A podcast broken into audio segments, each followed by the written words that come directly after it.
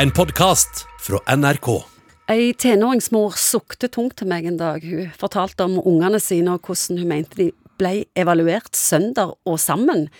Hvert fag på skolen, oppførsel og orden og kroppen, i gymmen, sosialt, i friminuttene, hva venner har du, har du venner i det hele tatt, og etter skoletid fortsetter vurderingen i kulhetsfaktor på sosiale medier. Egon Hagen, sånn hadde ikke vi det. Nei. Ingen fulgte særlig med oss. Nei, nei, vi var jo sjølstyre, altså. Og, og, Ja. altså. Før var det jo sånn at hvis du lærte deg å klimpre på gitar, så satt du der, og så fikk du til liksom en helt enkel sang. Tenkte det, det er jo ikke så verst. Men nå kan du bare gå inn på YouTube, så kan du se fireåringer som spiller Mozart på, på gitar. Så liksom, det er mye verre å lure seg selv nå, for i og med at alt er blitt så relativt. Vi kan hele veien sammenligne.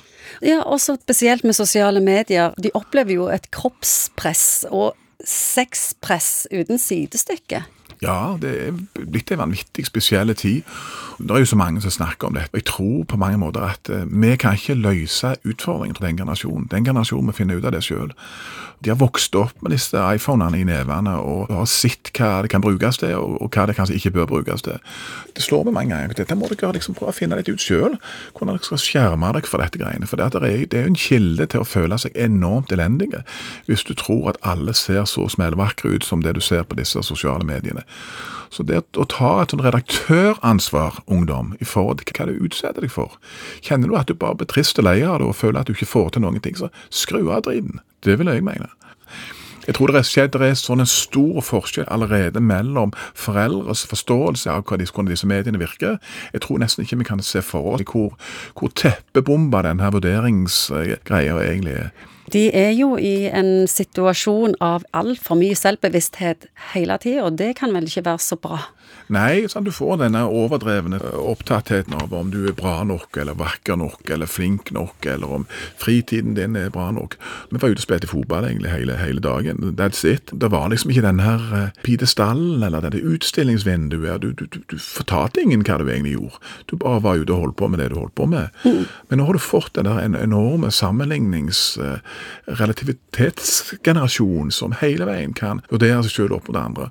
Og det tror jeg kan bli en kime til ganske mye trøbbel for mange. Ja, det er en generasjon på mange måter på vide vanke. Er de lost, eller kan de berge seg sjøl? Jeg er utviklingsoptimist. Jeg tror de kommer til å finne ut av dette, men jeg tror de må ta noen grep sjøl. Du kan ikke bare la deg eksponere helt flatt egentlig i forhold til dette enorme sosiale medietrykket. Hvis du bare gjør det, så, så tror jeg at veldig mange vil ende opp med å føle seg mislykka, at de ikke strekker til, og at de ikke er gode nok. Ta noen grep der sjøl. Jeg tror veldig på det i forhold til mange ting i livet. jeg. Ikke skyld på andre, og ikke si at teknologien sin feil, eller at det er mor og far sin feil, eller Er du kommet litt til sjelsår alder, nå snakker jeg ikke om barn, men er du liksom sånn tenåringsgreie og kjenner at dette, dette gjør deg bare litt deppa, trist og tung og føler deg elendig, så skjerm deg da. Det er allerede blitt sagt at generasjon alfa, de som blir født etter 2012, de kommer til å bli flinkest til å bruke teknologi på en bra måte. Og kanskje ta litt avstand fra sosiale medier. Du må ta et redaktøransvar, du må ta et filtreringsansvar i forhold til hva du, eksponerer deg for. Hvis du merker at det, det jeg nå holder på med, jeg får ikke det livet jeg vil, jeg får ikke den selvfølelsen som, som jeg faktisk er på jakt etter, jeg føler meg bare litt elendig og at jeg ikke er flink nok. Og her sitter jeg liksom i joggebuksa og fett hår, og så ser jeg på all den skjønnheten sånn, som seiler forbi i sosiale medier. Vil jeg fortsette med det greiene der, eller må jeg prøve å ta noen grep sånn at jeg kan få det litt bedre? Du har hørt en podkast fra NRK. Hør flere podkaster og din NRK-kanal i appen NRK Radio.